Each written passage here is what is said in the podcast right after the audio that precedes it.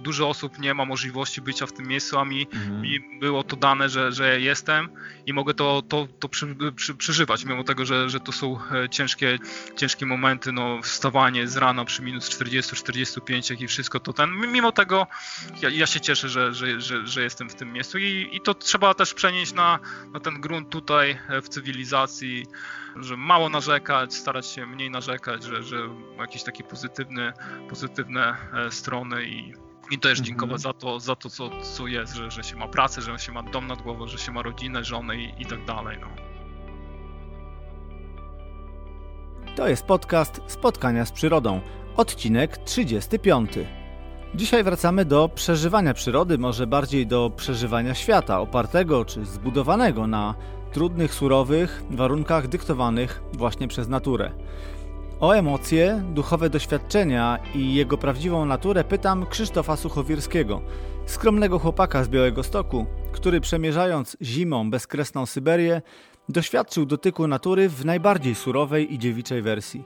Bez bogatych sponsorów, z minimalnym ekwipunkiem, czy to rowerem, czy to w pojedynkę na nartach, napędzany pasją i marzeniami, wszedł do krainy mrozu, śniegu, bezkresnej tajgi i gigantycznych rzek.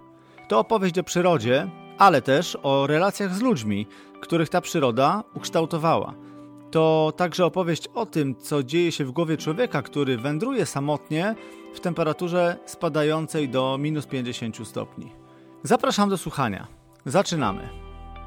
Przy mikrofonie Michał Stanecki, a to jest podcast Spotkania z Przyrodą. W audycji poruszam tematy ważne dla miłośników przyrody, obserwatorów, fotografów i pasjonatów innych terenowych aktywności związanych z naturą.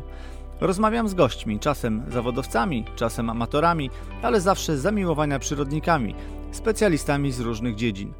Jeśli chcesz odpowiedzialnie obcować z naturą, lepiej ją rozumiejąc, jeśli chcesz być skuteczniejszym obserwatorem i świadomie robić zdjęcia, to ten podcast jest dla Ciebie.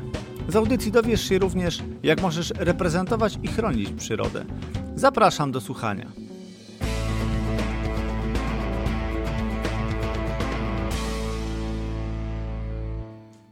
Cześć. Na wstępie muszę Was y, przeprosić za y, trochę gorszą jakość dźwięków y, części ostatniego odcinka. Dogrywałem go w nietypowym miejscu, nietypowym mikrofonem, stąd też taki no, niespecjalny efekt. Ale to również skutek tego, że no, nie zawsze udaje mi się wygospodarować czas w odpowiednim momencie i jak wiecie, nagrywanie podcastu nie jest moją zarobkową działalnością, dlatego no, siłą rzeczy czasem przegrywa z innymi zajęciami. Mam nadzieję, że, że podchodzicie do tego wyrozumiale, rozumiecie tego typu historie i przymykacie oko na takie drobne niedociągnięcia. Okej, okay, no to co? Mamy czerwiec, najdłuższe dni, wybuchło lato. Mm, długo czekaliśmy na wiosnę, a przeskoczyliśmy już do, do letnich klimatów. Wschody słońca w środku nocy, czyli czas dla prawdziwych terenowych twardzieli, jeśli chodzi o, o tę porę dnia. Tematów do obserwacji i fotografowania, no właśnie jak na początek lata, nie brakuje. Dołączyły owady, ciepłolubne gady, no i mocno też wystartowały łąki. Kolorowe kwiaty w magicznym świetle to teraz naprawdę takie bajeczne obrazki. Jeśli macie ogrody, ogródki, działki, pamiętajcie o wystawianiu wody dla zwierząt. To już e, ten czas, bo było mokro, padały deszcze. Ostatnio jednak szybko robi się e, sucho, szybko to wszystko schnie. W lasach już zaczyna szeleścić pod stopami leśne kanały czy jakieś cieki znów y, wysychają. Pamiętajcie, żeby do wystawionej wody wkładać też jakieś gałązki, tak aby e, owady czy jakieś inne mniejsze zwierzaczki e, no, mogły się z tej wody wydostać, żeby nie było tak, że jakaś miska nie wiem, podstawek, no jakiekolwiek naczynie, które tam zadysponujecie, nie stało się e, taką pułapką e, skazującą e, tego małego zwierzaka na, na utopienie. A taka gałązka właśnie po, po, pozwoli mu się stamtąd wydostać, wykaraskać jakoś. To jest o tyle ważna kwestia, ale zdecydowanie jest już ten czas, kiedy, kiedy o tych poidłach trzeba, trzeba pomyśleć. Co w terenie? Tak jak wspomniałem, no, tematów jest naprawdę mnóstwo. My przez e, kilka ostatnich dni maja mogliśmy się rozejrzeć na Mierzei Wiślanej. To był krótki rodzinny wypad, więc nie była to jakaś taka wyprawa podporządkowana e, przyrodniczym e, wycieczką. Oczywiście ruszyliśmy na długie spacery, wędrówki wzdłuż Mierzei. Poruszaliśmy się w takiej przestrzeni między Krynicą w zasadzie, czy piaskami, Krynicą i, i kątami rybackimi. No po raz kolejny oczarowały nas lasy. które znamy głównie z naszych pobytów późnojesiennych, kiedy to przebrawiają się buki, kiedy naprawdę w tych lasach jest niesamowicie klimatycznie, czasami mgliście, kolorowo. A teraz trafiliśmy na istną eksplozję zieleni. Duże, stare, e, okazałe buki, dęby, świerki. To wszystko po prostu e, momentalnie zrobiło się ciepło, to wszystko momentalnie się rozwinęło i naprawdę jest tej świeżej, takiej wręcz jaskrawej zieleni e, mnóstwo. To, to, to drzewa tworzą po prostu takie korytarze, takie tunele, którymi można się poruszać. Robi to niesamowite wrażenie. No do tego też nietypowe obrazki, bo takie w zasadzie puste plaże, na których nie ma mew. To znowu taki odmienny obrazek do tego, co widuje się jesienią czy zimą. No, przeszliśmy się też do rezerwatu kormoranów. Jeden z wytyczonych szlaków yy, przecina Mierzeję, przechodzi przez, yy, przez taką część. No te ptaki się tam e, przesuwają w miarę tego, w której części akurat te gniazda zakładają, no ale gdzieś tam można się troszkę zbliżyć do, do zamieszkałej części i, i, faktycznie odgłosy, tam wszystkimi zmysłami, bo i odgłosy można ptaki zobaczyć z daleka, można je usłyszeć, usłyszeć młode, można powąchać i poczuć po prostu to, co się tam, e, to, co się tam dzieje.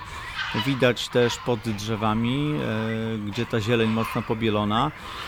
W niektórej części tych lasów, Mierzei, na terenach podmokłych, no, zaroiło się od komarów, to była spora uciążliwość. No, można się było tego spodziewać, w zasadzie po bardzo mokrej wiośnie z, szybko zrobiło się ciepło, więc jest to pewnego rodzaju uciążliwość. Mieliśmy kilka fajnych obserwacji, naprawdę kilka razy widzieliśmy e, całe stada dzików, widzieliśmy stada danieli, widzieliśmy sarny, no i oczywiście ptaki. Początek lata to już taki czas, w którym liście przeszkadzają je obserwować, natomiast no, można nasłuchiwać i naprawdę tam y, tych odgłosów całe mnóstwo. Nawet momentami były problemy, żeby gdzieś tam wyizolować pojedyncze gatunki. Co ciekawe, któregoś dnia trafiliśmy na, na przelot dziwoni i zaganiaczy i to, i to było niesamowite, bo no, nie, nie w takim środowisku spodziewamy się dziwoni, a tutaj po prostu w środku lasu co chwilę gdzieś odzywały się mm, właśnie te, te ptaki. Popatrzyliśmy sobie na muchołówkę małą, a my wcześniej w Polsce tego ptaka nie widzieliśmy, więc też mieliśmy takie swoje święto i małe 5 minut e, z tym ptaszkiem. E, także pod tym względem było bardzo fajnie, ponad 70 gatunków. Tak jak mówię, no bardzo urzekły nas lasy, świetnie to wyglądało. E, taki spacer drogą, niczym w tunelu. Mm, I jeszcze bez turystów, jeszcze bez hałasu, jeszcze bez całego tego sezonowego zamieszania. A teraz przechodzimy już do gościa tego odcinka. Ale zanim nawiążę do Krzysztofa, to jeszcze wrócę na chwilę do odcinka, w którym e, rozmawiałem z Łukaszem Superganem. Otóż po publikacji odcinka z Łukaszem dostałem bardzo, bardzo ciekawą zwrotkę od jednego z słuchaczy. Dziękuję Zbyszku. Zbyszek napisał do mnie mm, kilka zdań, no, które dosyć mocno dały mi do myślenia, bo napisał tak. Łukasz Supergan. I tutaj absolutnie nie chodzi o to, że to, że to jakieś umniejszanie y, roli czy zasług Łukasza, bo, bo robi wielkie rzeczy i nie o to chodzi. Akurat jest to dobry punkt y, zaczepienia, że Łukasz, zresztą jak większość nas, to człowiek, który jest zanurzony jednak w cywilizacji i technologii, a nie w naturze że jak wejdzie się na stronę Łukasza, to można zobaczyć gorteksowe buty, syntetyczne tkaniny, liofilizowaną żywność, puchowe śpiwory, kartusze z gazem, panele słoneczne, nawigację GPS, telefony satelitarne itd., tak itd. Tak Czasem jest tak, że możemy podziwiać tę naturę tylko dzięki temu, że udaje nam się tak skutecznie od niej odizolować. I teraz pytanie, czy stwierdzenie, że no tak jak Łukasz, że czuje się z tą naturą połączony, no czy tutaj nie ma jednak pewnego dysonansu? Czy to faktycznie jest takie bycie z tą przyrodą, tak blisko w niej, czy to się może odbywać tylko poprzez stworzenie pewnych warunków dzięki wykorzystaniu dobrodziejstw cywilizacji i współczesnych technologii.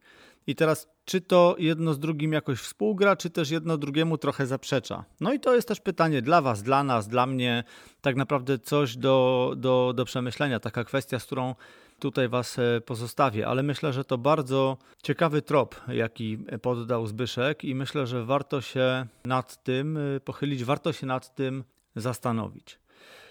A dzisiaj drugi gość z tego samego e, cyklu, czyli rozmawiamy o takiej prawdziwej naturze. Krzysiek Suchowierski, niesamowity człowiek, chłopak, który bez żadnego przygotowania polarnego zdecydował się ruszyć zimą na Syberię. Bez specjalnego przygotowania, ale też bez wielkich sponsorów, z mnóstwem jakichś niedociągnięć organizacyjnych i w zasadzie cały czas ucząc się na, na bieżąco, Krzysiek spełniał swoje kolejne marzenia. Urodzony w Białymstoku, absolwent ratownictwa medycznego, po studiach wyjechał jako wolontariusz do Rwandy, gdzie w szkołach UNICEF-u prowadził szkolenia z zakresu udzielenia pierwszej pomocy. Potem w ramach tego samego projektu był jeszcze w Gruzji i w Armenii. No i uwaga, w 2013 przejechał samotnie rowerem 9000 km z Białego Stoku do syberyjskiego Białego Stoku i nad jezioro Bajkał. Na przełomie 2013 i 2014 wraz z dwoma Rosjanami, Igorem Kowalczukiem i Joanem Czeczniewem, po raz pierwszy w historii pokonał na rowerach y, z południa na północ mm, Republikę Sacha, Jakucję, uważaną za jeden z najzimniejszych regionów na naszej planecie. Później jeszcze Krzysiek odbył samotną wędrówkę przez Kołymę na nartach. No, w tym roku między innymi e, no, w wyniku też zmiany planów y, w związku z COVID-em pojechał do, mm, do szwedzkiej Laponii. Myślę, że Krzysiek jest y, super ciekawą osobą, bo przede wszystkim definiuje go taka prawdziwość i szczerość, e, naturalność. Słuchając Krzyśka, czy nawet widząc go na, na prelekcji, mamy wrażenie, że naprawdę to jest taki jeden z nas. To nie jest e, jakiś e, super, super człowiek, super podróżnik stworzony do jakichś wyższych rzeczy to jest e, chłopak, przez którego też przebija się czasami gdzieś jakaś niepewność, e, obawa, strach, zastanowienie. Nie wszystko zawsze ma perfekcyjnie poukładane i, i, i przemyślane. Jest w tym dużo jakiejś spontaniczności, dużo takiej mm, surowej, naturalnej energii. I myślę, że jest to rodzaj pasji, która go do tego napędza. No, pokochał te zimne strony, zimne północne e, krańce Europy, później też faktycznie Syberię. Fajnie o tym opowiada, bo Słychać, że, że czasem jest e, stremowany, że czasem się trochę tym stresuje, natomiast przebrzmiewa w tym wszystkim taka naturalna szczerość i ta opowieść jest dla mnie super pod tym względem, super wartościowa. No i wiem, że i, i widziałem to na własne oczy, że po prostu potem ten e, zestresowany chłopak, który w niektórych momentach ma wręcz e, problemy z tą opowieścią, dostaje owację na stojąco i burzę braw, bo po prostu potrafi tych ludzi, swoich słuchaczy czy widzów wręcz oczarować postanowiłem porozmawiać z Krzyśkiem, żeby dotknąć takich tematów, nawet powiedziałbym bardziej e, duchowych, przeżywania tego, co się dzieje w głowie takiego solisty, wędrowca, który gdzieś tam po, po, po krańcach świata wędruje sam w środku zimy, w e, skrajnie trudnych warunkach w miejscu, w którym zdecydowanie natura te, te, te, warunki życia dyktuje, gdzie jeżeli styka się z ludźmi, to też są to ludzie, którzy nauczyli się żyć właśnie w takich, a nie innych realiach e, naturowych. Jakie to są doznania? Jakie to są, jakie się w takiej podróży, czy po takiej podróży, jakie się ma refleksje, kiedy się wraca tutaj do tego, nazwijmy to, normalnego życia. Posłuchacie, wyciągniecie e, sobie z tego e, wnioski. Krzysiek nawiązuje do, do spraw duchowych, do kwestii swojej wiary. Nie wstydzi się o tym mówić, o wierze w Boga, o wsparciu, jakie dostaje dzięki temu, że e, tak mocno wierzy i w, jak jest to dla niego ważne w sytuacjach, kiedy styka się właśnie z takimi trudnymi, ekstremalnymi sytuacjami, gdzie idzie naprawdę po takiej cienkiej granicy. O to pytam Krzyśka. Zapraszam Was do wysłuchania rozmowy z Krzysztofem Suchowierskim. Cześć Krzysztof, e, cieszę się, że, że możemy porozmawiać. E, no, na taką moją listę marzeń, jeśli chodzi o gości tego podcastu, wpisałem cię dość dawno. Musiałem się trochę uzbroić w cierpliwość, bo ty jesteś człowiekiem czynu i jak nie tam mocno zaangażowany w jakieś plany, to potem e, wyprawa.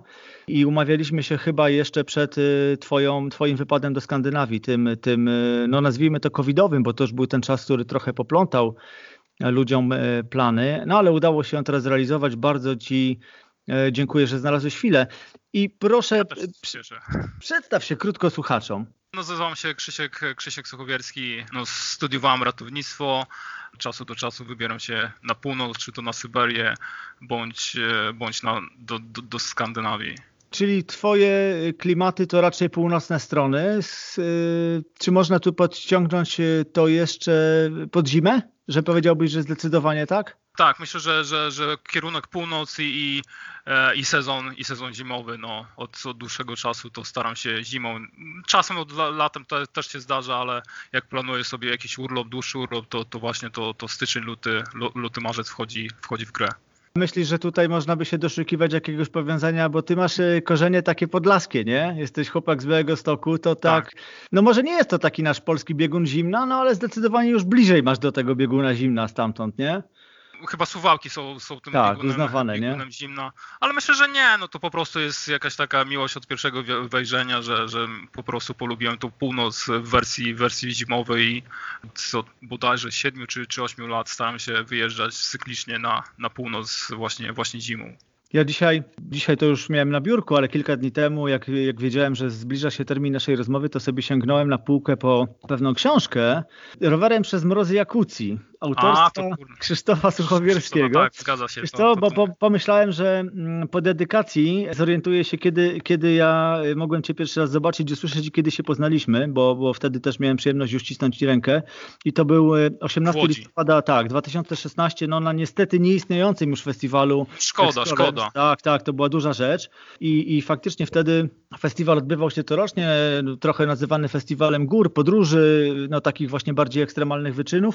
I pamiętam jak dzisiaj, że poszliśmy tam z gronem przyjaciół i faktycznie tam na tej scenie po kolei stawali różni giganci, którzy opowiadali o swoich wyczynach. Śmietanka naszych, no na przestrzeni kilku lat, ale to była śmietanka naszych Himalajistów. No na, naprawdę, no same grube ryby.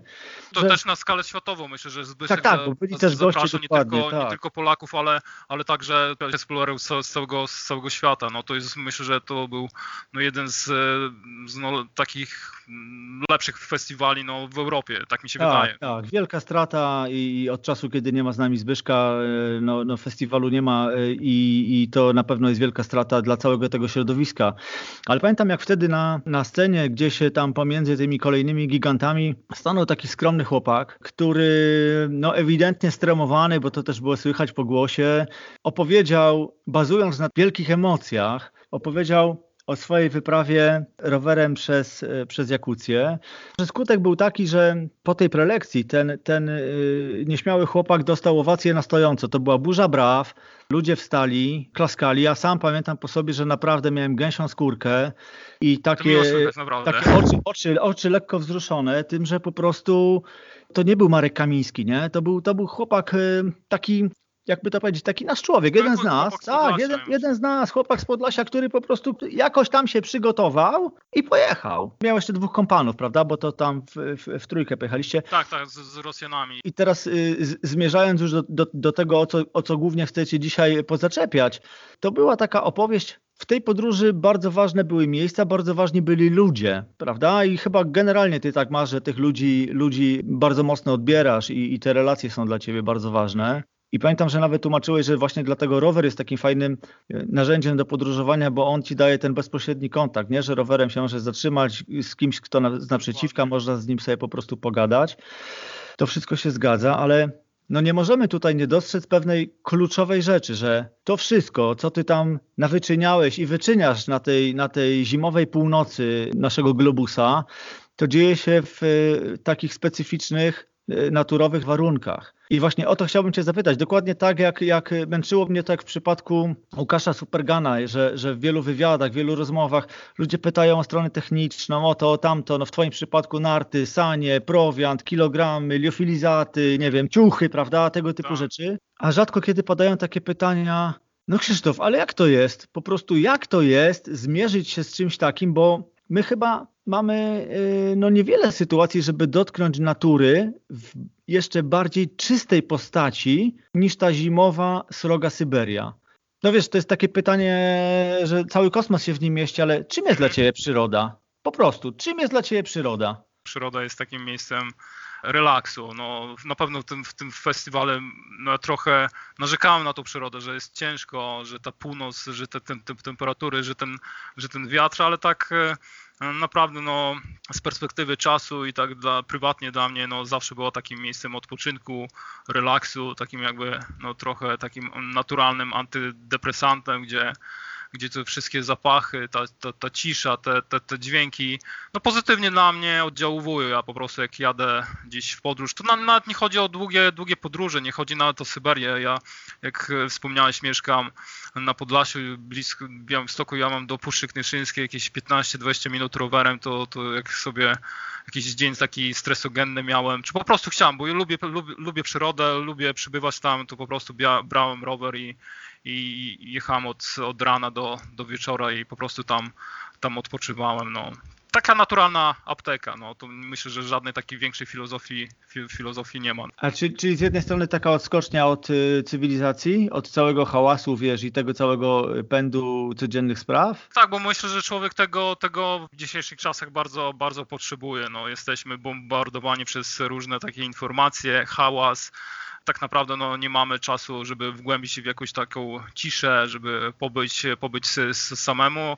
No i wypad do e, Puszczy Kneślewskiej, czy, czy nawet długodystansowe, dziś chodzi o Syberię, czy na przykład na Kołymę, gdzie spędziłem dwa miesiące, no tej ciszy miałem pod dostatku. Ja w ciszy bardzo, bardzo dobrze się czuję. Myślę, że to, to taki pod, pod mój charakter. Nie jestem takim jakiś e, gadatliwą, gadatliwą osobą, lubię właśnie spędzać czas, czas e, sam, też, też z rodziną w ciszy bardzo, bardzo, dobrze, bardzo dobrze się czuję. No. Jeżeli mówisz o Kołymie, to szedłeś zamarzniętą rzeką i wtedy to była podróż solo, prawda? Tak, tak, to wtedy było samotna z pieskiem. Znaczy jaka, jakaś tam duszka ci towarzyszyła na czterech tak, nóżkach? Tak, tak, Husky, tak, pies ale, Husky, ale... no, który, aha, się przy, który e, rozpoczął z moją przygodę w, w takiej osadzie Niżno-Kołymsk. Ja pamiętam tego pieska trochę e, dokarmiałem, ja tam odpoczywałem w, takiej, w, w takim chacinie u takiego gospodarza po ciężkiej przyprawie.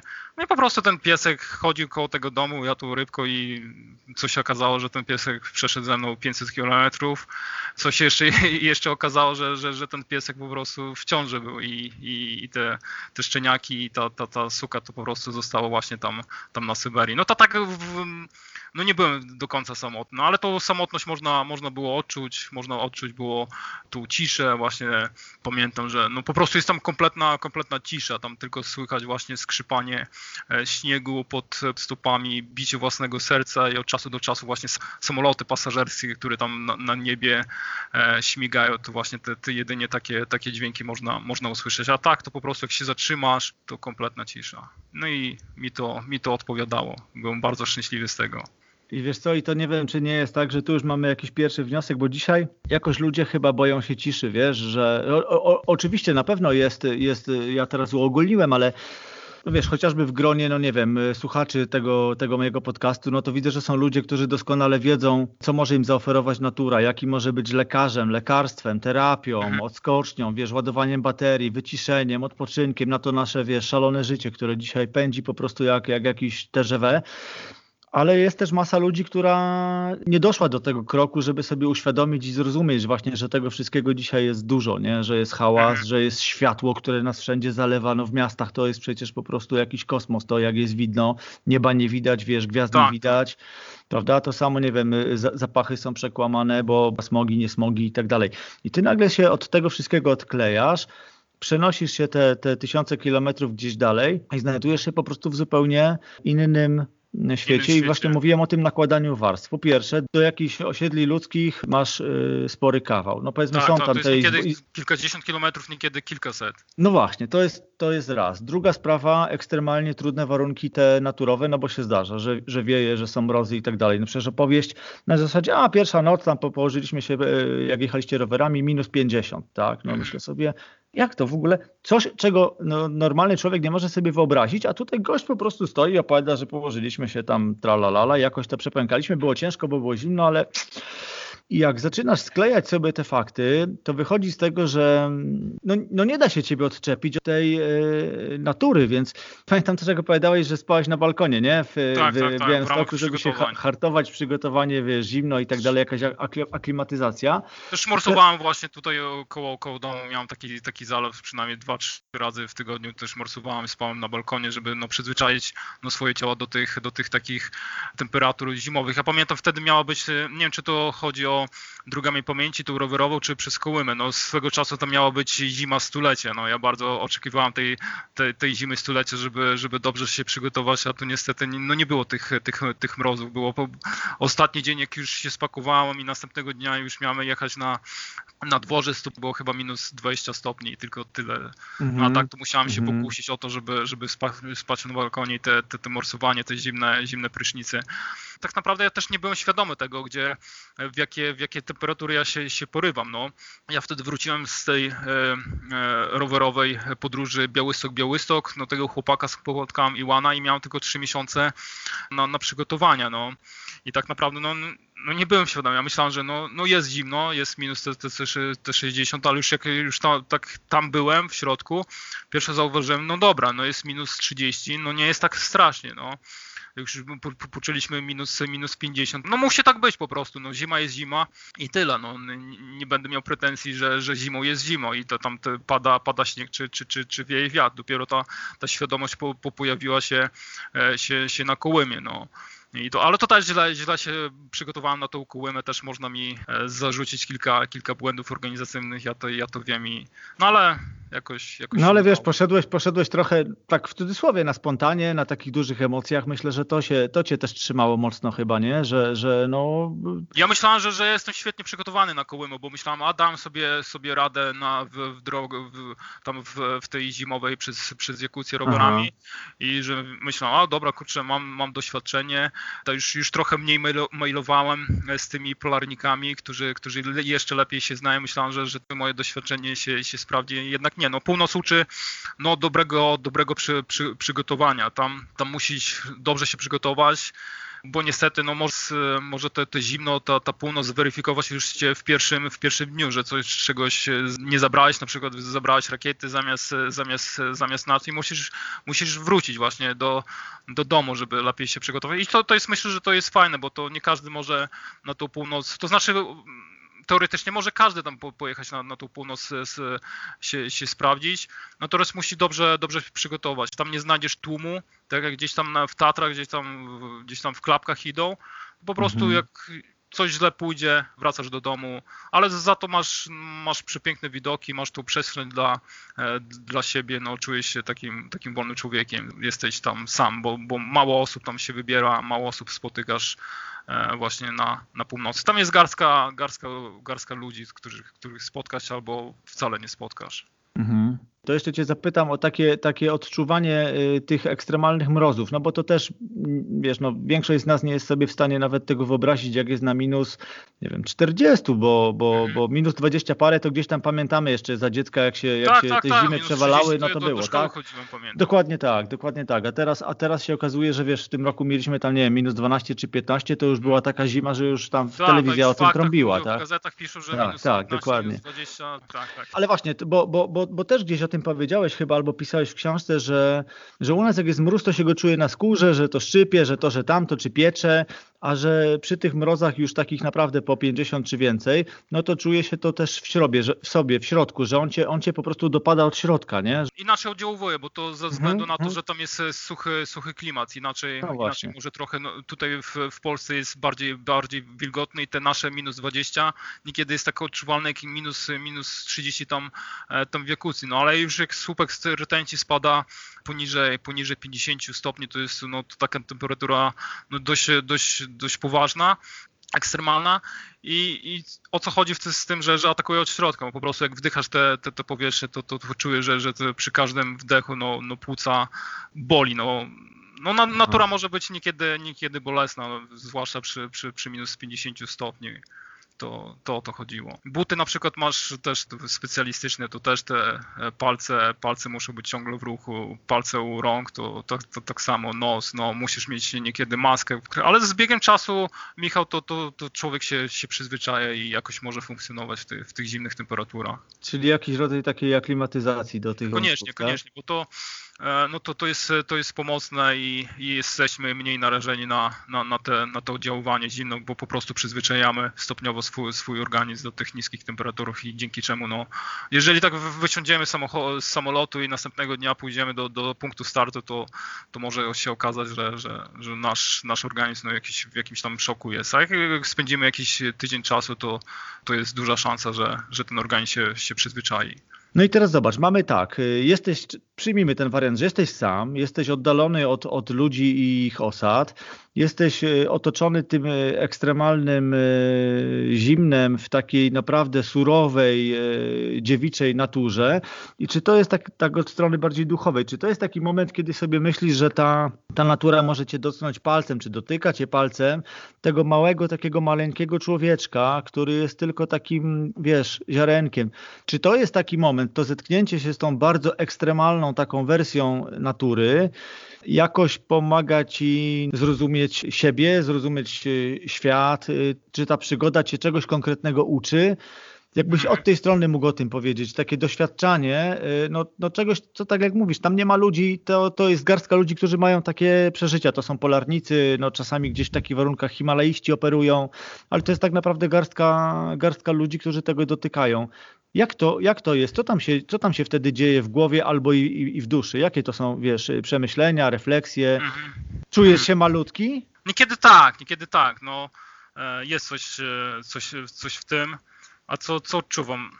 Ja staram się prosto to odbierać. Się budzę, dziękuję dla, dla Boga, że po prostu mogę, mogę wstać, mogę, mogę, mogę dalej funkcjonować, że, że przetrwałem ten, ten, ten dzień. No a jak już, już się ubiorę, no to staram się dotrzeć do, do, tego, do tego punktu e, B. No, staram się dotrzeć e, bezpiecznie i na tym, na, na, na, tym się skupiam na każdym, na każdym kroku. No ale niekiedy ta, ta natura nie zawsze idzie, idzie nam na rękę, niekiedy, niekiedy no, pokazuje swoje, swoje, swoje pazury. Ja pamiętam taką sytuację na, na, na Kołymie. Tu, tu, tu mam ciągle to w pamięci, pamiętam dokładnie, że byłem ma, mega, mega zmęczony. No. no to z tym aspektem e, duchowym. No, przyroda Aha. ma coś majestetycznego w sobie, ma, ma coś duchowego i ciężko, ciężko to opisać e, słowami na przykładzie, no, żeby, żeby to słuchacz e, wiedział o co chodzi. No to wtedy była bardzo ciemna noc, mało, mało gwiaździsta. No i szedłem przez tą, przez tą Kołymę, wcześniej spotkałem e, człowieka Andrzeja i dwa dni wcześniej bodajże Andrzej wiózł e, moje, moje zapas jedzenia. No i się spotkaliśmy na, na szlaku, mówił, że, że, że mam jedzenie i się spotkamy za, za parę dni u niego w Wizbuszce. E, no i to przez dwa dni już, już szedłem i byłem no blisko, bo poszedłem przy, po śladach tego, tego skutera, no ale z, zmrok zapadł. I ta izbuszka no, była schowana, ja wtedy nie widziałem. Zazwyczaj te izbuszki są bliżej, bliżej rzeki. Jeżeli to jest to noc i gospodarz włączy, włączy światło, to to widać. Ja miałem taką nadzieję, że zobaczę tam e, promyk, e, światła, który mnie doprowadzi do, do tego człowieka. No niestety nie, nie mogłem. A pamiętam takie emocje towarzyszyły mi, że, że byłem wkurzony na, na, na siebie, że, że nie mogę dalej iść, bo jest ciężko, mimo tego, że, że tam przytarty szlak, no to, to jakieś tam narty się, się, się zapadają, łzy mi po, pociekły po oczu i po prostu się, się pomodliłem do Boga, żeby, żeby mi pomógł. Ja już miałem w planach to, że, że zakopać się w jamie śnieżnej i, i przenocować, bo, bo nie miałem sił na, na rozstawienie, na rozstawienie namiotu. No ale w, po, po 15 sekundach dostałem odpowiedź i, i Andrzej włączył generator prądu i zamiast po świetle szedłem po, po, po dźwięków, no i ta izbuszka była schowana jakieś, nie wiem, 800, może 700, 700 metrów, no, no i takie, to, takie doświadczenie, no. No to, no to chyba dreszcz po plecach, nie? Tak, tak. Te, tej nocy nigdy, nigdy nie zapomnę i będę, będę wspominać o tym, że, że coś takiego, coś takiego miało, miało miejsce. No, no to mnie, mnie z takiej perspektywy no, z chrześcijańskiego aspektu, że, że, że, że modlitwa ma taką moc, że, mhm. że jeżeli poprosi z głębi duszy Boga, to, to on odpowie. No. I wtedy czułem, że ktoś idzie za mną, że, że mam takich. Ja, ja wspominam, że ja mam dobrych aniołów stróżów, którzy, którzy mi tam pomagają w swojej podróży. Może nie jeden, może jakiś taki dywizjon, bo naprawdę robię no, ciężkie, ciężkie takie przeświadczenia przedsięwzięcia i jakoś wychodzę z tego, z tego cało. No. I pytałeś o, o naukę no. z, takich, z takich podróży. No. Myślę, że, że, że słowo wdzięczność jest tym dobrym takim słowem. Czy to w czasie podróży, że, że trzeba dziękować za to, że się jest zdrowym, że, że się ma ciepły, ciepły śpiwór, że, że psychicznie jest, jest wszystko, wszystko ok. I dziękować, że, że się jest w tym, w tym miejscu. No, dużo osób nie ma możliwości bycia w tym miejscu, a mi, mhm. mi było to dane, że, że jestem i mogę to, to, to przy, przy, przeżywać, mimo tego, że, że to są e, ciężkie, ciężkie momenty, no wstawanie z rana przy minus 40, 45, jak i wszystko to ten, mimo tego ja, ja się cieszę, że, że, że, że, jestem w tym miejscu i, i to trzeba też przenieść na, na ten grunt tutaj e, w cywilizacji, że mało narzekać, starać się mniej narzekać, że, że jakieś takie pozytywne, pozytywne e, strony i I też mhm. dziękować za to, za to co, co jest, że, że się ma pracę, że się ma dom nad głową, że się ma rodzinę, żonę i, i tak dalej. No. Mhm tak e, też właśnie o tą duchowość zahaczyłem, bo w Twoim przypadku to jest, no chyba mogę tak powiedzieć, że to jest głęboka wiara, bo Ty o tym często mówisz i też e, absolutnie nie masz problemu, żeby o tym e, opowiadać, to nie jest nic wstydliwego, ale też no wiem, znam ludzi, słuchałem prelekcji, czytałem książki, też podróżników, też solistów bardzo często. No chyba każdy z nich jakby coś gdzieś nad sobą, nad sobą ma, jakiś rodzaj odniesienia do, do, do tego, wiesz, do tych wyższych instancji i u jednego może to być tak jak u ciebie, wiesz, modlitwa do Boga, u, in, u innych jest to odniesienie bezpośrednie jakby do, do takiej siły, powiedziałbym, natury, tej czystej, powiedzmy, takiej postaci, wiesz, że, że jest jakiś ład w naturze, który też no tym wszystkim powiedzmy tam jakoś steruje, zarządza i że ludzie bardzo często uciekają się do, ty mówisz o modlitwie, ja znowu słyszałem e, od kogoś, kto, kto nie jest jakimś gorliwym katolikiem, a wręcz przeciwnie, jest raczej daleko mu do tych tematów, ale miał ze sobą różaniec, który, mhm. który też traktował trochę na zasadzie takiej um, mantry, e, uspokojenia, talizmanu, odniesienia, wyciszenia, wyregulowania oddechu, bez tej duchowości chyba takiego tego y, dotknięcia tego ekstremum chyba, chyba nie ma. Chyba ciężko jest być y, tak y, zupełnie od tego odciętym na tym pułapie, bo, bo gdyby, gdyby nie te warunki naturowe, to może też by no nie było aż tak odczuwalne, tak dotykalne. Ty mówisz, że, że jako nauczkę wyciągasz to, że sobie to przy, przenosisz do codziennego życia. I to jest tak. super, nie? No bo, bo, bo, bo w tym codziennym życiu czasami nie ma miejsca na to, albo żyje nam się za dobrze, albo żyje nam Dokładnie. się za łatwo, prawda? I, i to gdzieś. I zapominamy to gdzieś o tym. A w tym przypadku jednak zobacz, tym czynnikiem, który, który ludzi do tego popycha, no jest natura. I, I to, jak potem który, który z Was wybiera sobie swoją drogę, to już jest sprawa jakby drugorzędna. Natomiast tym jakby impulsem, który, który jest bodźcem wyjściowym, no jest to, że się doznaje no, tego właśnie takiego dziwnego stanu świadomości bycia samemu w oddaleniu, oderwaniu od cywilizacji i jeszcze w tak specyficznych warunkach, gdzie ta natura jest taka nieoszukana, jest taka prawdziwa, jest taka dziewicza, surowa. To chyba dlatego też Syberia, nie? To, to, to w zasadzie Ty możesz o tym powiedzieć, ale bardzo często jak, jak podróżników, którzy właśnie e, wybierają ten kierunek, y, zakochali się w Syberii, tam jeżdżą, to jak słyszę, że oni mówią o północy Norwegii czy Szwecji, to mówią tak trochę jak o tematach zastępczych. Że z jakiegoś tak, powodu nie można jechać, to jadę tam, albo potrenować Dokładnie. jadę tam, ale jednak ja tak Syberia. Miałem. Czy to właśnie o to chodzi, że ona jest taka dziewicza, że ona jest taka surowa, prosta?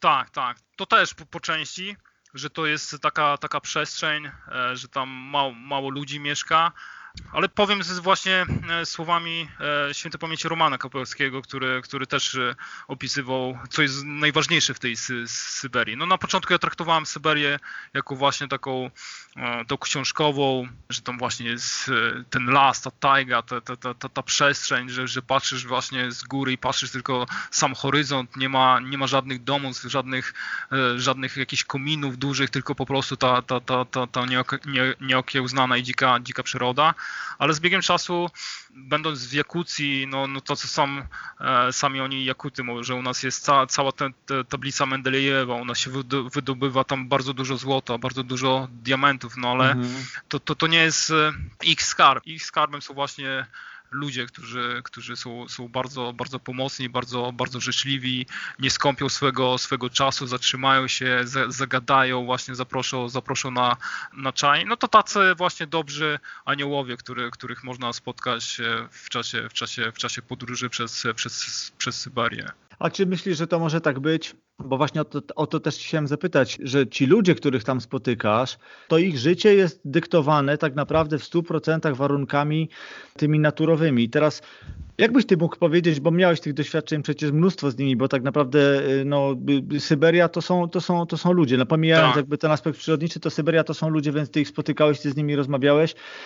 Jacy są ci ludzie? Czego ta natura ich nauczyła? Czego ich nauczyło takie mnie się tak wydaje, że to jest takie czyste, proste, uczciwe życie, tylko no, mm -hmm. może ty to inaczej postrzegasz, albo będziesz tu miał jakoś Nie, dokładnie tak, dokładnie tak. Ciężkie, proste, ale, ale ciężkie, ale, ale myślę, że, że szczęśliwe życie.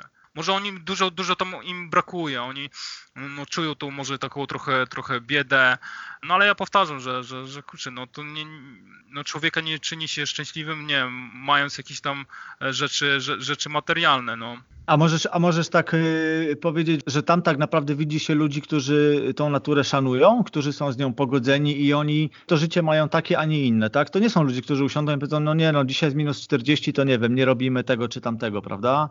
To jest jakiś rodzaj szacunku dla tej natury, nie? Na pewno, na pewno oni tą, tą, tą naturę, naturę szanują. To są ciężkie, ciężkie warunki e, przyrodnicze, jeszcze nawiązując do tych, e, do tych dobroci, do tych ludzi. Myślę, że, że te ciężkie warunki przyrodnicze sprawiają, że no, no człowiek jest bardziej uzależniony od, od, od, drugiego, od drugiego człowieka. E, nawet na Kołymie no, wspominali o takim niepisanym prawie, które tam funkcjonowało po, po II wojnie światowej, że, że jeżeli nie pomożesz człowiekowi, nie zaoferujesz mu, mu swojej pomocy tam w, w zimę czy, czy, czy, czy w innej porze, porze roku, to, to, to, no, to groziło obcięcie, obcięcie ręki. No, kiedyś te, tak, tak było.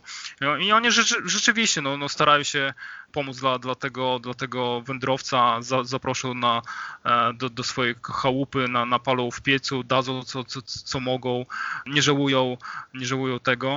Pamiętam jeszcze raz e, taki trochę minus tej, tej, tej Syberii też można, można zauważyć, że no przy, przy, przy drogach jest dużo, dużo tych, e, tych śmieciów. No, jeżeli podróżujesz zimą, to to wszystko jest zakryte, natomiast wyruszyłem w letnią podróż e, e, rowerową i no niestety no, można zobaczyć, że, że tych śmieci jest, jest trochę i można im zarzucić, że trochę o, tę, o tą przyrodę no, nie dbają. No. No taki jakiś minus, no ale można jakoś to, to, to, to ich, ich wytłumaczyć, takie, takie postępowanie. Ale to można zauważyć na Syberii, jeżeli jedzie się samochodem, ale to zwłaszcza przy, przy, tych, przy tych drogach, no gdzieś tak, gdzieś, gdzieś tak na wioskach, no, że to jakieś, jakieś gruzy, jakieś, jakieś opony, coś, coś takiego. No. Pamiętam, bo wspomniałeś y, Romka Koperskiego. Ja miałem okazję kiedyś y, uczestniczyć w takim spotkaniu z nim w Gdańsku, gdzie właśnie tematem przewodnim była Syberia.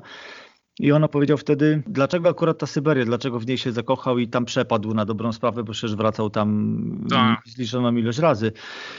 I on powiedział, że po pierwsze natura, po drugie ludzie, a po trzecie mm, to jest jeszcze to, że no bo wiesz, podobne warunki można spotkać, no chociażby, nie wiem, w Kanadzie, no jest kilka miejsc takich na północnej półkuli, gdzie można też tego doświadczyć, ale on stwierdził, że w innych miejscach ten świat jest już spętany takimi regulacjami, przepisami, tak, tak, tak, tak regulaminami, tak, wiesz, wiesz, czymś takim, tak? Natomiast na, te, na tej Syberii jest tak, że tak naprawdę te warunki e, życia są jasno podyktowane przez naturę i nikt nie musi tam pisać, wiesz, regulaminów i, i nie wiem, e, li, listy rzeczy, które wolno, które nie wolno i tak dalej, bo, bo ludzie, którzy żyją tam od pokoleń doskonale to wiedzą, bo się tego nauczyli, wyssali z mlekiem matki, a ci, co przyjeżdżają, nie mają innego wyjścia, jak tylko się, jak tylko się dostosować. Oni nie? mają taką, jeszcze taką zaradność w sobie, że, że zawsze coś jakoś, jakieś wyjście znają z sytuacji, coś, coś pomogą właśnie, coś tam, rower się zepsuł, nie, nie ma problemu, my to, my to naprawimy, coś tam się znajdzie, ktoś tam ma coś do, do, do, do spawania, my przy, przyniesiemy klucze, no to to też jest, też jest fajne.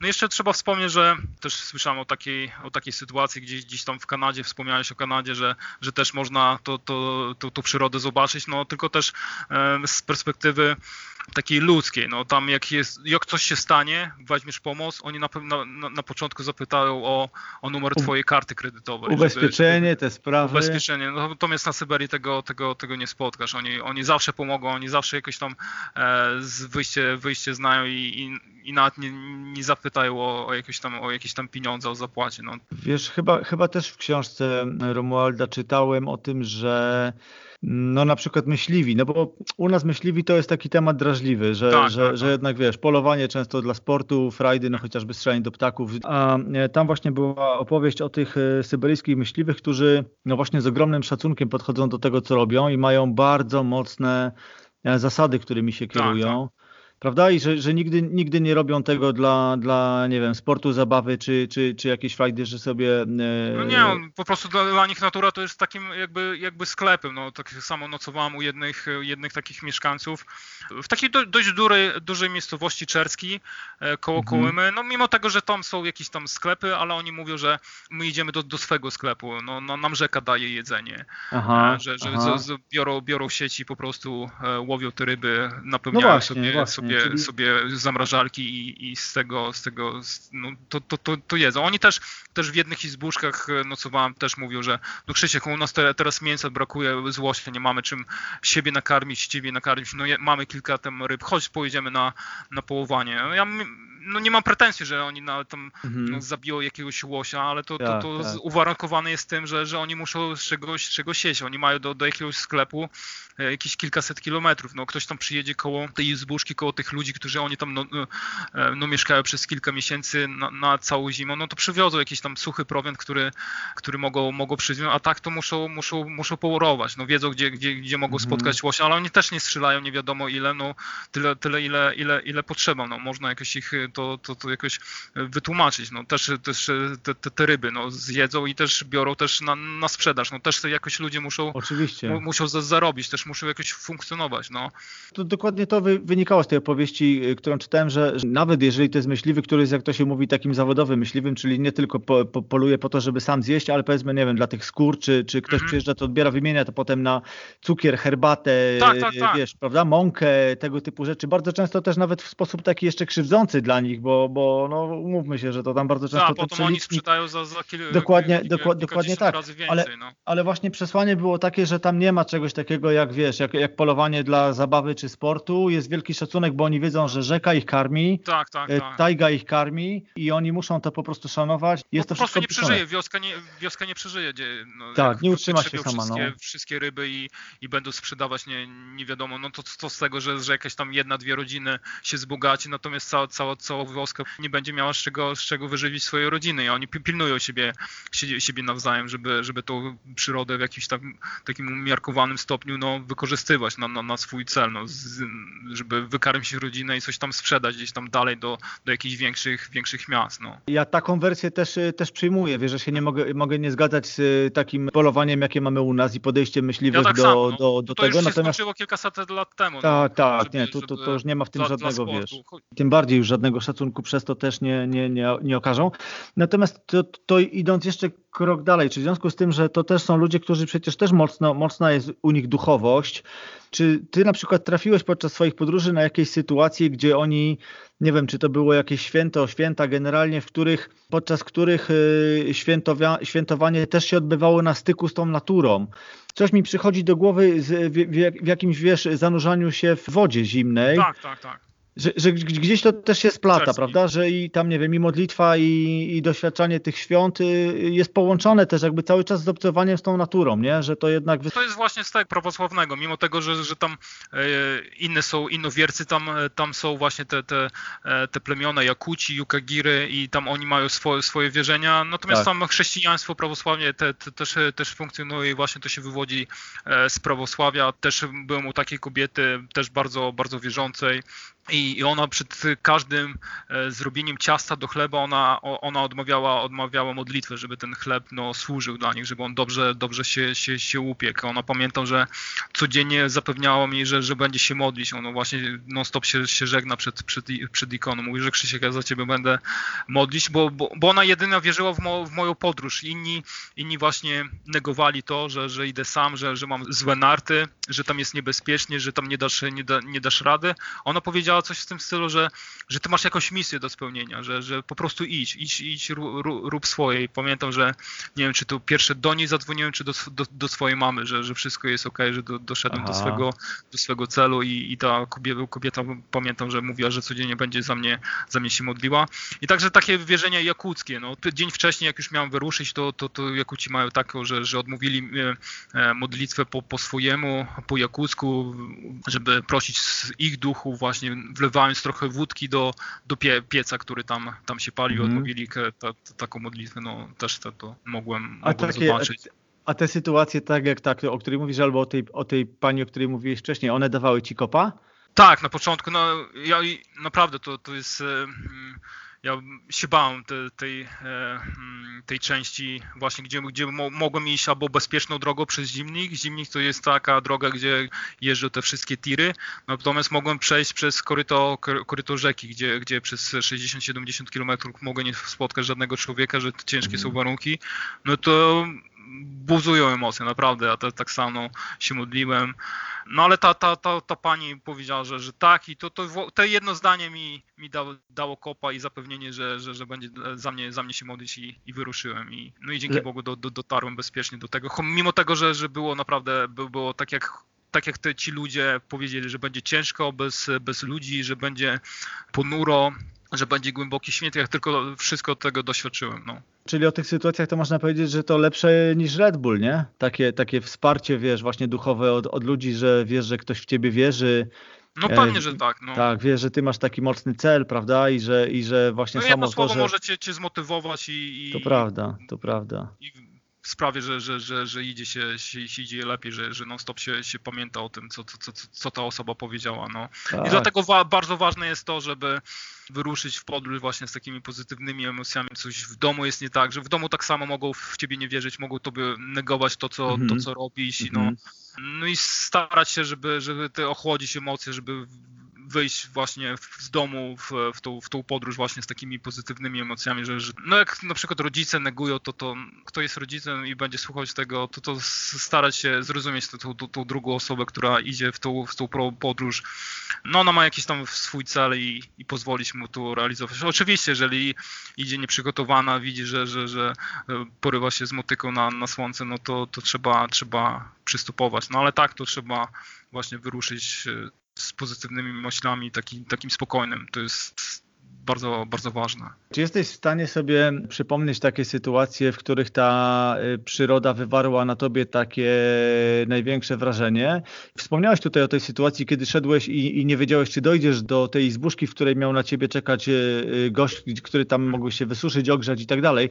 To, to na pewno była ta, ta mocna, mocna przygoda, jeszcze tak jak mówisz, z tak. tym, z tym akcentem duchowym takim, nie? że dostałeś to wsparcie takie namacalne, można powiedzieć. Mhm. Ale chodzi mi bardziej o takie sytuacje, nawet nie ekstremalnie trudne, że, że wiesz, to był, nie wiem, wiatr taki albo mróz taki, tylko że na przykład miejsca, które, które cię aż zauroczyły, nie? że po prostu stanąłeś i powiedziałeś, no kurczę, to jest niewiarygodne, że ja jestem w takim miejscu, bo nie wiem, roztacza się widok nagle na góry, albo powietrze jest jakieś wyjątkowo krystaliczne i widzę rzeczy, których po prostu wiesz, i ty, i ty masz w głowie to, że tego, to jesteś tylko ty i tylko ty to tak, masz. Tak, tak, I to tak, sobie tak. wyszarpałeś, że, jesteś że możesz szczęściarzem, że, to, że tu jesteś. Tak. No. Miałeś takie chwile? Pierwszy takim e, taką sytuację to, to pamiętam z, z podróży rowerowej e, drogami pamięci w 2014 roku, gdzie pierwszy raz zorzę polarną zobaczyłem. Gdzie tam kiedyś, pewnie pamiętasz, były takie pamiętniki nie wiem, w podstawówce i ka każdy się wpisywał, jakie jest twoje, twoje marzenie. No, ja, ja swego czasu wpisałem, że, że chcę zobaczyć zorzę polarną. No, w tamtych latach to nie wiem, mając tam 13, 14, to, to nie było osiągalne, a wtedy... To musiałeś parę lat poczekać. No kilkanaście lat e, po, poczekać i pamiętam, to, to była taka gwiaździsta noc, e, nocowałem gdzieś tam przy, przy drodze w jamie śnieżnej i chłopacy mi, mnie, mnie budzą, że gdyż musieliśmy jechać właśnie w porze, w porze nocnej, gdzie chcieliśmy dostać się do jakiejś tam miejscowości, kto, kto, ktoś tam na nas czeka i patrzy, to właśnie ta, ta, ta zorza polarna, no to właśnie ta, ta zorza, to zorzę potem polarną, takie spektakularną widziałem e, właśnie na Kungsleden. Szwecja, nie? Tak, ta, w, w Szwecji. No i myślę, że, że, że to takie, a nie, jeszcze coś bo, bo przypomniało mi się, Michał. Jak byłem na Kołymie, my, ja, ja, nigdy o tym nie, nie słyszałem, w żadnych książkach nie, nie czytam, nawet u, u Romana Koperskiego. E, takie zjawisko, jak idziesz na rzece, rzeca, rzeka jest dość, dość szeroka, 500 może, może, może więcej metrów, jest, jest ładna pogoda i po prostu widziałem na, przed, przed sobą takie lustra, jak lustra, po prostu był, nie, nie były to jakieś tam zwały, zwały lodu, bo, bo rzeka była taka, taka gładka, przesypana. Śniegiem i te, i te lustra po, po całej szerokości się, się ruszały w górę, w dół, na, na bokach. To takie zjawisko to w życiu nie widziałem. Ja myślałem, że jakieś foto, fotomorgany mam zimą, a to niestety to kilka dni się powtarzało. Może to tylko w tym, w, w, na tym odcinku. Potem już tego, tego, tego już nie, nie zobaczyłem. No. Tak sobie pomyślałem, że ktoś, kto podróżuje w tych warunkach powiedzmy europejskich, no to widzi tą rzekę, jedna jest tam e, węższa, druga jest szersza, no tak jak my u nas staniesz, wiesz, no nie wiem, przed przed Wisłą gdzieś, prawda, no widzisz ten drugi brzeg po drugiej stronie, no nie, nie masz z tym żadnego problemu i tak dalej, i tak dalej. Teraz nagle w warunkach tych, tych y, syberyjskich dochodzisz, no zimą jest inaczej, bo ona jest zamarznięta, przysypana, y, ale, ale generalnie to wszystko jest, wiesz, y, do kwadratu, do sześcianu Ta, albo x, x razy większe. To też chyba robi wrażenie, nie? Że, że wiesz, że idziesz sobie do, do rzeki i nagle się okazuje, że ta rzeka to jest po prostu, wiesz, no po horyzont gigant, nie? Przytoczę taką historię dziewczyny, która, którą, którą spotkałem w Jakucji, a która wcześniej była kilka lat, lat wcześniej w Polsce i ona zobaczyła naszą, naszą Wisłę. No ona brze, mieszka nad, nad rzeką Lenę, gdzie, gdzie tam no. w niektórych, niektórych odcinkach rzeki no, można no, szerokość tej rzeki przekracza no, 20-30 kilometrów. No, I oni mhm. zabrali, choć, choć zobaczysz naszą gigantyczną rzekę Wisłę, czy, e, no i ona patrzy, no i no, gdzie, ta, gdzie ta rzeka stanęli nad, nad mostem, właśnie, że ona. No, no, no, ona tak przytaknęła no, i wspomniała, no to chodźcie, pojedziecie do mnie, na, do, do mojego domu, to ja wam, wam pokażę, e, pokażę tą, tą gigantyczną rzekę, jaką jest, jaką jest Leną. No to są gigantyczne, tam są, są rzeki po, po kilka tysięcy e, kilometrów, no, no tam naprawdę można przeżyć przygodę, płynąć kajakiem e, przez kilka dni i dotrzeć do, do, do, do jakiejś tam niewielkiej wioski, no to robi wrażenie, no jak stoisz i, i rzeka no, szeroka na kilka, na kilka kilometrów. No. A to samo z lasem? Że, że, że jednak tak, e, tak, tajga... Jak, jak, jak, też jesteś na jakiś, na jakiś tam e, wzniesieniu, to tak samo, to, to jest kapitalne wrażenie robi. Właśnie za to lubię, e, lubię Syberię, że patrzysz i po prostu, no po horyzont, po horyzont jest, jest dziewiczy, dziewiczy las, tajga, e, gdzieś tam słychać odgłosy, odgłosy ptaków, jakiś tam e, szum, szum rzeki, no i to, to jest kapitalne wrażenie. Tak samo z górami tam e, też stoisz i po prostu widzisz, no góry. Tak samo jak wracałem już kończąc swoją, swoją podróż, to, to samolotem, taką awionatką. Bilet e, lotniczy tym, tą awionetką naprawdę, naprawdę drogi, no ale za to, za to widoki można zobaczyć właśnie tą przestrzeń, tą, tą, tą, tą dzikość tej, e, tej przyrody Jakucji, że lecisz i po prostu zero, no to po prostu rzeki i wyobrażasz sobie, że kurczę, ja tam, ja tam byłem, no gdzieś tam w tej rzece, gdzieś mały człowiek, gdzieś, gdzieś ja szedłem, a, a na prawo, na lewo przede mną i za mną jest po prostu dzikość, dzikość przyrody. Niesamowite, co? To, to, to faktycznie no, sama... No, sama jeśli ma taką perspektywę, dobra, no, no ja wiem, że tutaj podróżujemy, czy, czy, w europejskiej części, czy tutaj w Polsce, gdzieś tam, a za 20, za 20 kilometrów będę, e, będę miał jakieś, e, jakieś, jakieś miasteczko, jakaś wioska, Właśnie. no i to dodaje taką perspektywę bezpieczeństwa, no, no, natomiast jak już wyruszasz tam, no to tam możesz spotkać jednego człowieka gdzieś tam w Izbuszce i to, mm. i to mhm. może być, mm. może mhm. nie być I, i, idziesz, no, z taką myślą, że, że jesteś, jesteś sam pośrodku tej, tej dziewiczej, dziewiczej przyrody. I to jest fajne, to jest fajne, to może niekiedy prze, przerażać, niekiedy może tak tłamsić, no ale po prostu e, to jest, to jest fajne, tego, tego się szuka, no, takiej, takiej wolności, że, że, że to znaczy jesteś ty i wokoło tylko, tylko przyroda.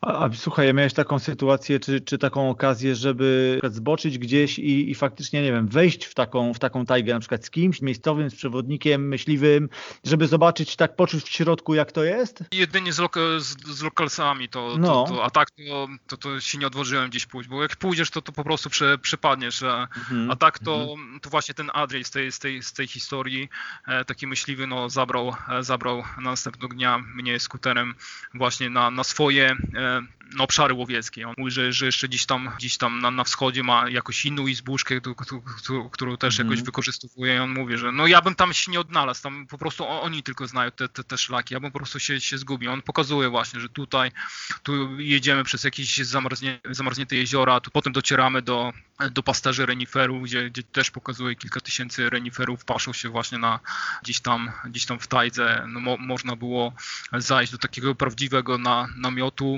który by został wykonany właśnie w pełni ze skór renifera. Mm. Nie mhm. był to namiot prezentowy. No tylko oni to znają, że mi on pokazał, wbij to sobie na GPS-ie i dojdziesz. Ja nie wiem, czy bym, czy bym się odważył, no to trzeba lepiej, lepiej się przygotowywać. Ja przygotowałem się tylko na to, że, żeby iść, iść, iść rzeką, gdyż wiedziałem, no rzeka gdzieś mnie, mnie to zaprowadzi, był, był taka namiastka, namiastka bezpieczeństwa dla mnie.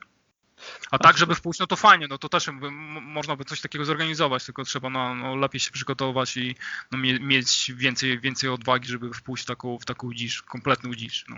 A jakieś zwierzaki? Miałeś jakieś, jakieś takie przygody, że nie wiem, widziałeś gdzieś, nie wiem, niedźwiedzia, łosia, no jakieś, jakieś e, zbliżyłeś się gdzieś do takich klimatów? Tak, no niedźwiedzia e, nigdy nie zobaczyłem z tego co, co, co pamiętam. E, łosia to zobaczyłem na, na wyciągnięcie ręki na, na, na Kungsledem, jakoś mnie zaskoczył, czy, czy jego zaskoczyłem i po prostu staliśmy e, be, bez, bez ruchu. Ja miałem jeszcze, pamiętam, mi ktoś przestrzegał, że, że łosie są bardzo, bardzo niekiedy agresywne zwierzęta. Miałem tam jakiś tam gaz pieprzowy, żeby, żeby trochę ich od, odstraszyć w razie, w razie czego, ale zamiast gazu to chciałem sfotografować tego, tego, tego łosia, ale on wstał, ja stałem i on uciekł, a taką historię e, z wilkiem miałem na, na, na rzece, na rzece Kołyma, gdzie, gdzie szedłem sobie po, po, powoli po tej, po tej rzece i na tej zamarzniętej rzece niekiedy jakieś kłody są zamarznięte, jakieś takie zwały, zwały lodu i gdzieś tam zobaczyłem, nie wiem, 200 czy 150 metrów przede mną jest jakaś kłoda, ruszałem w tą w stronę tej, w tej kłody, potem przebiegł łoś pomiędzy nami a tą kłodą i co się okazało zamiast tej kłody to na 90 na 100% był, był wilk. No i, nie wiem, czy on czekał na mnie, czy właśnie na tego łosia, który, który wybiegł z tej, z nad, z nad, z nad drugiego brzegu i on po, pobiegł właśnie za, za tym łosiem. Pies mój za, też pobiegł za, za tym łosiem. No. A coś by się okazało, żeby tego, ten, te, tego łosie, ten łoś się, się nie zjawił? No nie wiem, no no tak, tak jakieś losy się potoczyły, że, że, że, że ten łoś wybiegł i, i no zwabił tego, tego, tego wilka przed, przed tym. Czyli znowu taki kolejny, kolejny obrazek no, prawdziwej natury, nie? gdzie, gdzie tak. u nas jest trudno sobie wymarzyć takie, takie obserwacje. W ogóle w Europie już coraz trudniej o takie, o takie miejsca. Tak, jeszcze na przykład takie historie miałem, e, wspomniałem, że, że szedłem z tym, z tym ja wspomniałem, że szedłem z tym pieskiem, no. Aha. No i jak wspomniałem, ta tajga żyje, to, te ludzie polują na, na, na, to, na te sobole, na, na, na ryby, czy za, za, zające jakieś, czy, czy, czy mhm, lisy. Mm -hmm. No i ten, ten pies, no jako husky, no to on, on czuje to, no, jako wabiki e, stosuje jakąś tą padlinę i no ten piesek dwa razy wpadł w te, w te wnyki, no. Za pierwszym razem to, to ja nie wiedziałem o co, o co chodzi, że on to po prostu pisze ja myślałem, że, że to wilk go, go, dopadł, tego psa, no i się, się mhm. wahałem, żeby po prostu iść i pomóc mu. Potem miałem ten gaz pieprzowy, to, to myślę, dobra, ja pójdę, zobaczę i co się okazało, że ten piesek no, wpadł w te sidła. Ja nie umiałem tych sideł otworzyć, no była niska temperatura z 40, bo starałem się te, te, te, te sidła jakoś otworzyć, podważać nożem. No, widziałem, że ten dla tego psa to stawia, sprawia ból. No, on był takim mądrym psem, że, że, że łapał mój, e, moje ramię ze szczęki, ale nie, nie, nie zaciskał, no, tylko dał mm. do, do, do, wiadomości, że, że go to boli. No też pokazuje taką, taką no, prawdziwą, prawdziwą naturę. No, to tak. była słynia. No chyba się zaprzyjaźniliście mocno, co? Mieć taką drugą, mniejszą siostrę ze sobą w takich e, okolicznościach to chyba była fajna rzecz, nie? Nie? Nie czułem się tak, e, tak samotny. Zawsze do tego psa mogłem, mogłem coś tam powiedzieć, przywołać go też. E, on, on mi pomagał też. My, my, my, my stworzyliśmy, myślę, że, że taki dobry, dobry team. A jeżeli była jakaś taka mgła, jakaś taka szara, szara pogoda, to on wyda, wyda, wydawał szlak, który ludzkim okiem nie było, nie, nie można było zobaczyć. Jakiś stary ślad po, po skuterze śnieżnym, który był zasypany. Mimo tego, że jest zasypany, to pierwszą warstwą śniegu to i tak lepiej, lepiej się, się idzie. I ten pies, no, no, no widział to i szedł. On, on też nie lubiał w tym głębokim śniegu brodzić, no dlatego jego oczy jakoś popatrzyły na ten, na ten ślad. No ja, ja te, za tym pieskiem e, szedłem, to on w taki sposób e, pomagał. No ja go karmiłem, no ile mogłem, mimo tego, że, że tego jedzenia za, za dużo, za dużo nie wziąłem, bo te takie energetyczne jedzenie no, nie dotarło do, do, do Czerskiego. Mhm. E, no i tak za, za, za, bardzo mądry, bardzo mądry, bardzo mądry pies. No, szkoda, że, że, że tak się okazało, że, że te, te, te szczeniaki musiały zostać. Ja teraz z perspektywy czasu wiem, że, że, że, że dobrze tam zostało. U mnie to w Białymstoku, co, co, by, ten, co by ten pies robił w, w blokowisku. No, on po, po powinien wiedzieć, no, żeby się, się wybiegać właśnie tą, tą, tą przestrzeń. Być u siebie. No po prostu Syberia tak chciała, że, że dobre psy trzyma, trzyma tam, tam u siebie. No. Słuchaj Krzysztof, bo tak y, po, po, pomału zmierzając do, do końca, jeszcze mam takie pytanie o, bo wiesz, teraz jednak mamy świadomość i mówi się dużo o tym, że, że w przyrodzie zachodzą zmiany, że zmienia się klimat, to też oczywiście nie jest tak, że tam, nie wiem, nigdy nie było pożarów na Syberii, one są dopiero w ostatnich latach, one zawsze były, może tak, nie, tak. Nie, nie, tak spektakularne i nie mówiło się o tym tak jak teraz, ale czy jak na przykład byłeś, byłeś tam, to wspomniałeś o tych śmieciach na przykład, nie? że to, to było coś, co dawało do myślenia, że no, mogłoby to wyglądać lepiej, może faktycznie nie mają takiego systemu infrastruktury, żeby sobie z tym radzić. A były jakieś inne e, takie sygnały, które odbierałeś, że, że tam również widać, że z, tą, z tym klimatem naszym dzieje się coś niedobrego, albo że są jakieś zmiany w tej przyrodzie takie, albo może mówili ci o tym po prostu lokalsi, mówili ci o tym miejscowi, że coś ich martwi na przykład, nie? No było tak na przykład w czasie, w czasie chyba spływu kajakowego rzeką, rzeką Op, oni też tam narzekali, że z jakiś tam, tam jakiś zakład produkcyjny, to właśnie oni te, te, te wszystkie ścieki idą, idą do rzeki i niekiedy te ścieki docierają do tych, do tych, do tych wiosek. A, a w Jakucji to też pamiętam taką sytuację. Oni mi zabrali do takiego miejsca, gdzie ja na początku myślałem, że to jest e, baza wojskowa, gdyż e, oceniłem to, że, że po prostu taki radar obraca się wokół siebie.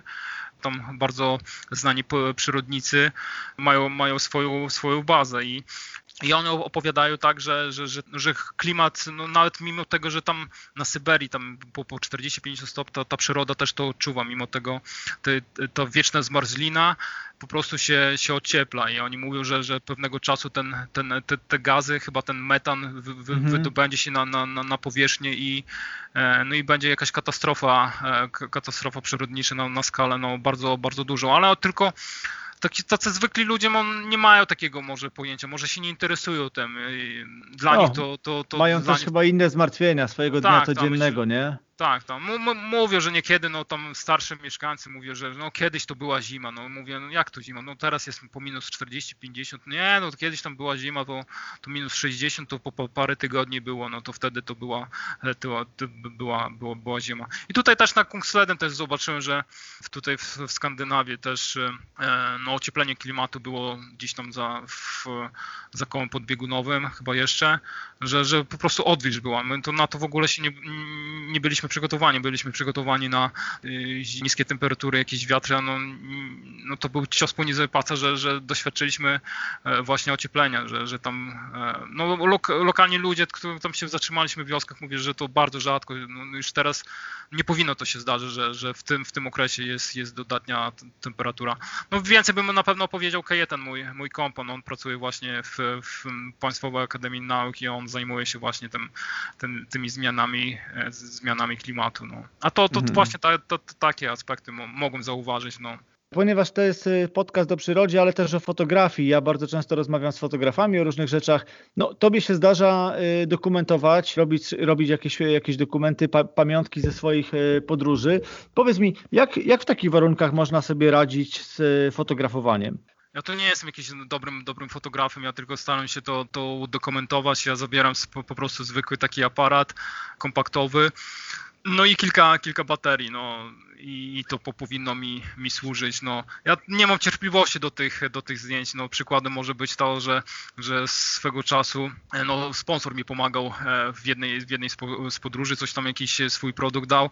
Ci sponsorzy wymagają jakichś takich, e, takich zdjęć. No, ja wysłałem jakie najfajniejsze, najfajniejsze zdjęcie, jakie, jakie miałem według, według mnie. On powiedział tak, że, że Krzysiek, ty jedziesz w takie miejsca, że mało komu to się zdarza, no i przywozić takie, w cudzysłowie mówię, że słabe, słabe zdjęcie, musisz iść na jakiś, na jakiś kurs fotograficzny, to jakieś takie rady. No ja zawsze e, trzymałem baterię e, w, rękawicach, w łapawicy, że, że, że jeżeli chciałem jakieś zdjęcie zrobić, to po prostu w, w, e, tą, baterię wyjmowałem z rękawic, wkładałem do, do aparatu i, i, i cykałem jakieś zdjęcia. No kto, kto to ma może więcej cierpliwości, ma większą pasję do, do fotografowania, może, może jakieś inne, inne rady by, by udzielił. No, ja nie jestem jakiś, jakiś dobrym przykładem do, żeby się pytać o, o fotografię. Krzychu, kto ciebie inspiruje? Kto inspiruje chłopaka, wiesz, który, który po prostu y, poczuł zew tej, tej, tej północy, Syberii, ciągnie, ciągnie go tam, ciągle tam wraca. Kto, kto cię inspiruje? Na początku to był, nie wiem, czy kojarzy takiego Brytyjczyka, Ray Mears, który który miał swój cykl, cykl mm, programów o sztuce przetrwania na, na Discovery.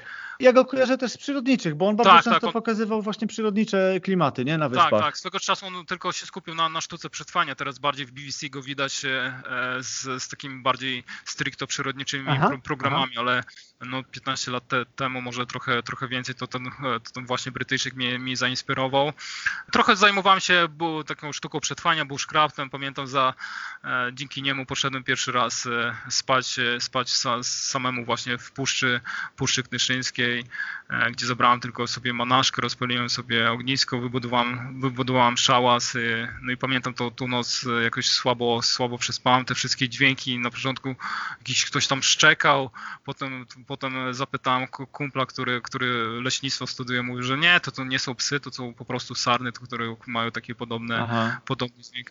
A tak, ten na, na dzień dzisiejszy to, to lubię właśnie e, Romana Koperskiego świętej pamięci. On ma świetne, świetne pióro do, do opisywania właśnie Syberii.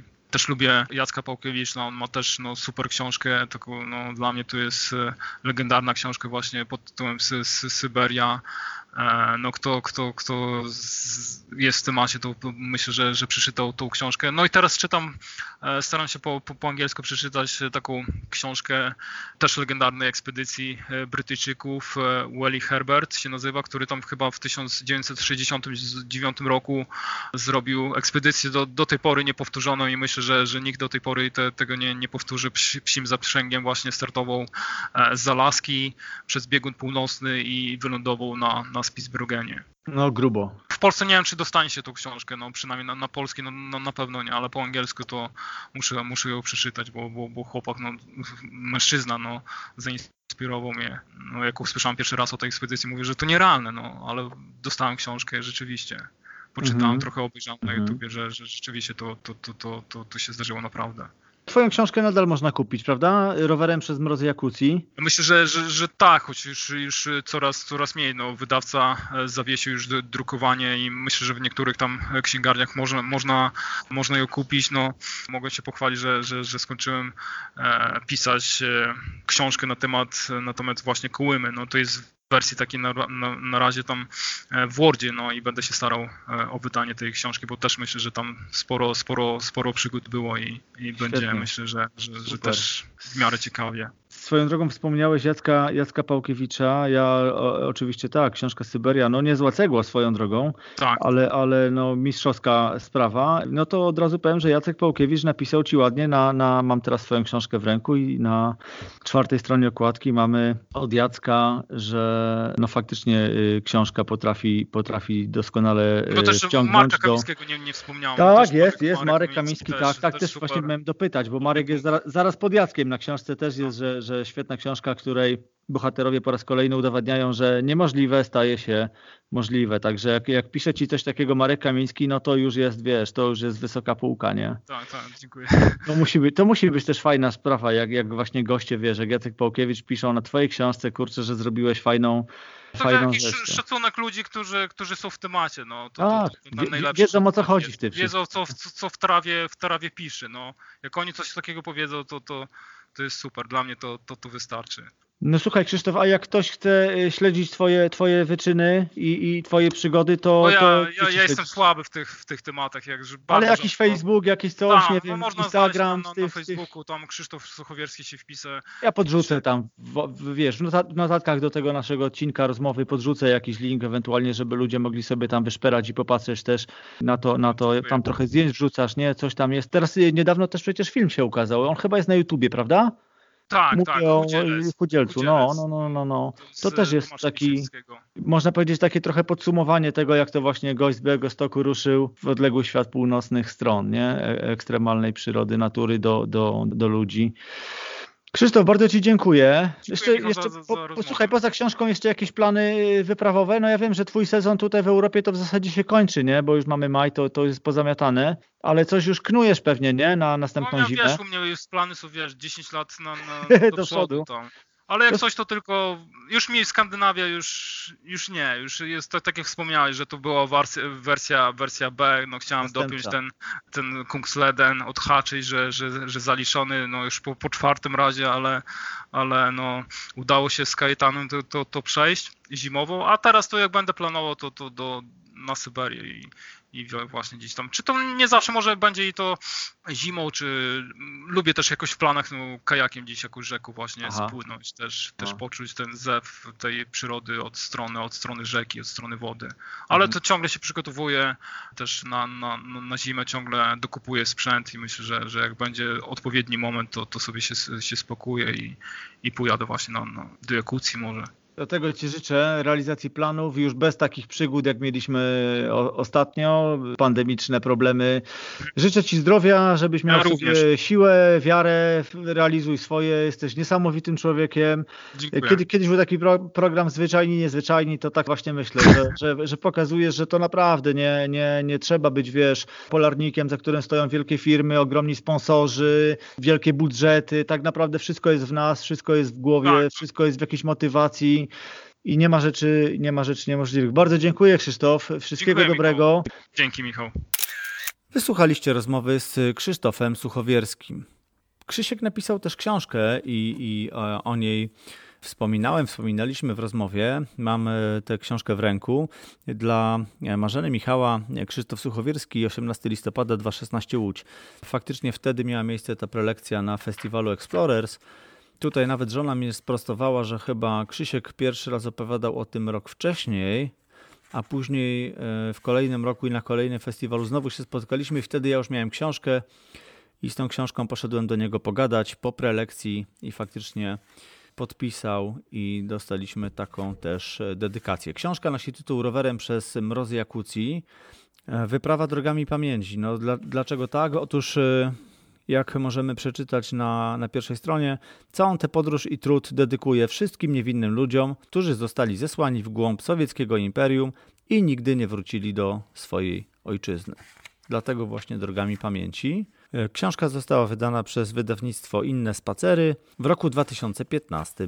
No tak jak e, rozmawialiśmy już wcześniej, na książce napisali Krzyśkowi zarówno Jacek Pałkiewicz, jak i Marek Kamiński wiele słów uznania, więc no są, to, są to niesamowite rekomendacje i myślę, że one też tutaj wystarczą. Ale zachęcam Was, e, e, znajdźcie książkę, poczytajcie, bo opowieść jest niesamowita. To w ramach rekomendacji. Jeśli chodzi o krok w tył, to chyba dam Wam dzisiaj trochę odpocząć e, z tym, e, z tym tematem. Ucieszyły mnie dorosłe lisy. Po tym, jak w poprzednim odcinku e, narzekałem na to, że trochę mnie boli to, że zalewają nas te zdjęcia po prostu sezon w sezon, za każdym, za każdym razem w kolejnym roku wypływ tych, tych zdjęć młodych lisów z sieci jest przeogromny. A tak dosłownie kilka dni później zobaczyłem e, chyba dwa niesamowite zdjęcia dorosłych lisów, e, naprawdę nietypowe obrazki. Postaram się je znaleźć i też wrzucić do pisu na stronie, w którym będzie opis tego odcinka ale to wróciło mi wiarę, że, że można inaczej, że wcale nie trzeba, że można sobie mm, pozwolić na to, żeby zrezygnować z tych e, kuszących zdjęć młodych, a, a zmierzyć się z dorosłymi lisami, które wcale nie łatwo fotografować, bo są to zwierzęta dość e, ostrożne. Co ciekawe, wpadły mi też w oko ostatnio e, zdjęcia robione przez Adama Wajraka i Adam nazwał je takim minicyklem Nienachalne zdjęcia przyrody. To są zdjęcia robione z e, daleka małym ptaszkom. Widziałem jakiegoś szczygła gdzieś tam mi mignął na gałążce. Naprawdę to jest kropka w kadrze to też jest jakiś patent. Jeżeli tym zdjęciom nadamy odpowiedni opis, odpowiednią narrację i odpowiednią opowieść o tych e, chociażby małych sąsiadach z naszego ogrodu, to okazuje się, że, że one się obronią, bo będą fajnie ilustrować coś, co mamy do powiedzenia. Powiem Wam tak, ja od kilku miesięcy nie mam teleobiektywu i kurczę, zacząłem się do tego przyzwyczajać. Znaczy, oczywiście, że mi go brakuje po, po latach e, targania ze sobą teleobiektywu. W tej chwili mam e, na mikro 4 trzecie e, obiektyw 12-100. Już troszkę się przyzwyczaiłem do tego, że nie mam nic więcej. Myślę, że jest to okres przejściowy, ale tak czy inaczej na razie operuję tylko tym sprzętem i, i można, można się przestawić, można tak jakby spróbować trochę innego podejścia. Traktuję to bardziej jako trochę eksperyment, taki stan przejściowy, ale, ale na razie się w tym e, odnajduję. Oczywiście, że nie ma portretów, oczywiście, że nie ma jakichś zbliżeń i ujęć takich, wiecie, ptaków czy zwierzaków w pełnym kadrze, ale czy muszą być? Spróbuję po prostu mm, opowiadać e, zdjęciami w trochę innej formie. Także dzisiaj troszkę krócej, dzisiaj tyle. W kolejnym odcinku wrócimy jeszcze, jakby domkniemy temat słów. Do, uważam, że jak już dotknęliśmy e, słów i poświęciliśmy im trochę, to jest jeszcze jeden wątek, o którym też warto porozmawiać i coś takiego usłyszycie w e, kolejnym odcinku. Potem takie trochę zwolnienie obrotów przed y, wakacjami, a kolejne fotograficzne tematy pojawią się, no właśnie nie wiem jeszcze czy od sierpnia, czy od września. Czy będzie jakaś przerwa w y, podcaście, taka nazwijmy to międzysezonowa. Tego jeszcze nie wiem, ale, ale tam kiedyś trzeba będzie chwilę odpocząć, przewietrzyć głowę. Będę Was informował o tym na bieżąco. Na razie, na razie yy, pracuję dalej. Będę nagrywać dla Was kolejne odcinki. Linki do tego, notatki, wszystkie e, znajdziecie na stronie michalstanecki.com ukośnik 035. Zapraszam do komentowania, podsuwania pomysłów na kolejne mm, odcinki, wyrażenia swoich opinii. Jeśli podcast Wam się podoba, nieustannie proszę o to, żebyście klikali rączki, kciuki w górę, serduszka, co tam, zależy jakie media. Udostępniajcie, podsyłajcie innym. To dla mnie bardzo, bardzo pomocne. To taki rodzaj e, promocji dla tego podcastu. Dziękuję Wam, że słuchacie. Dziękuję, że wysłuchaliście tego odcinka. Wkrótce usłyszymy się znowu. Cześć!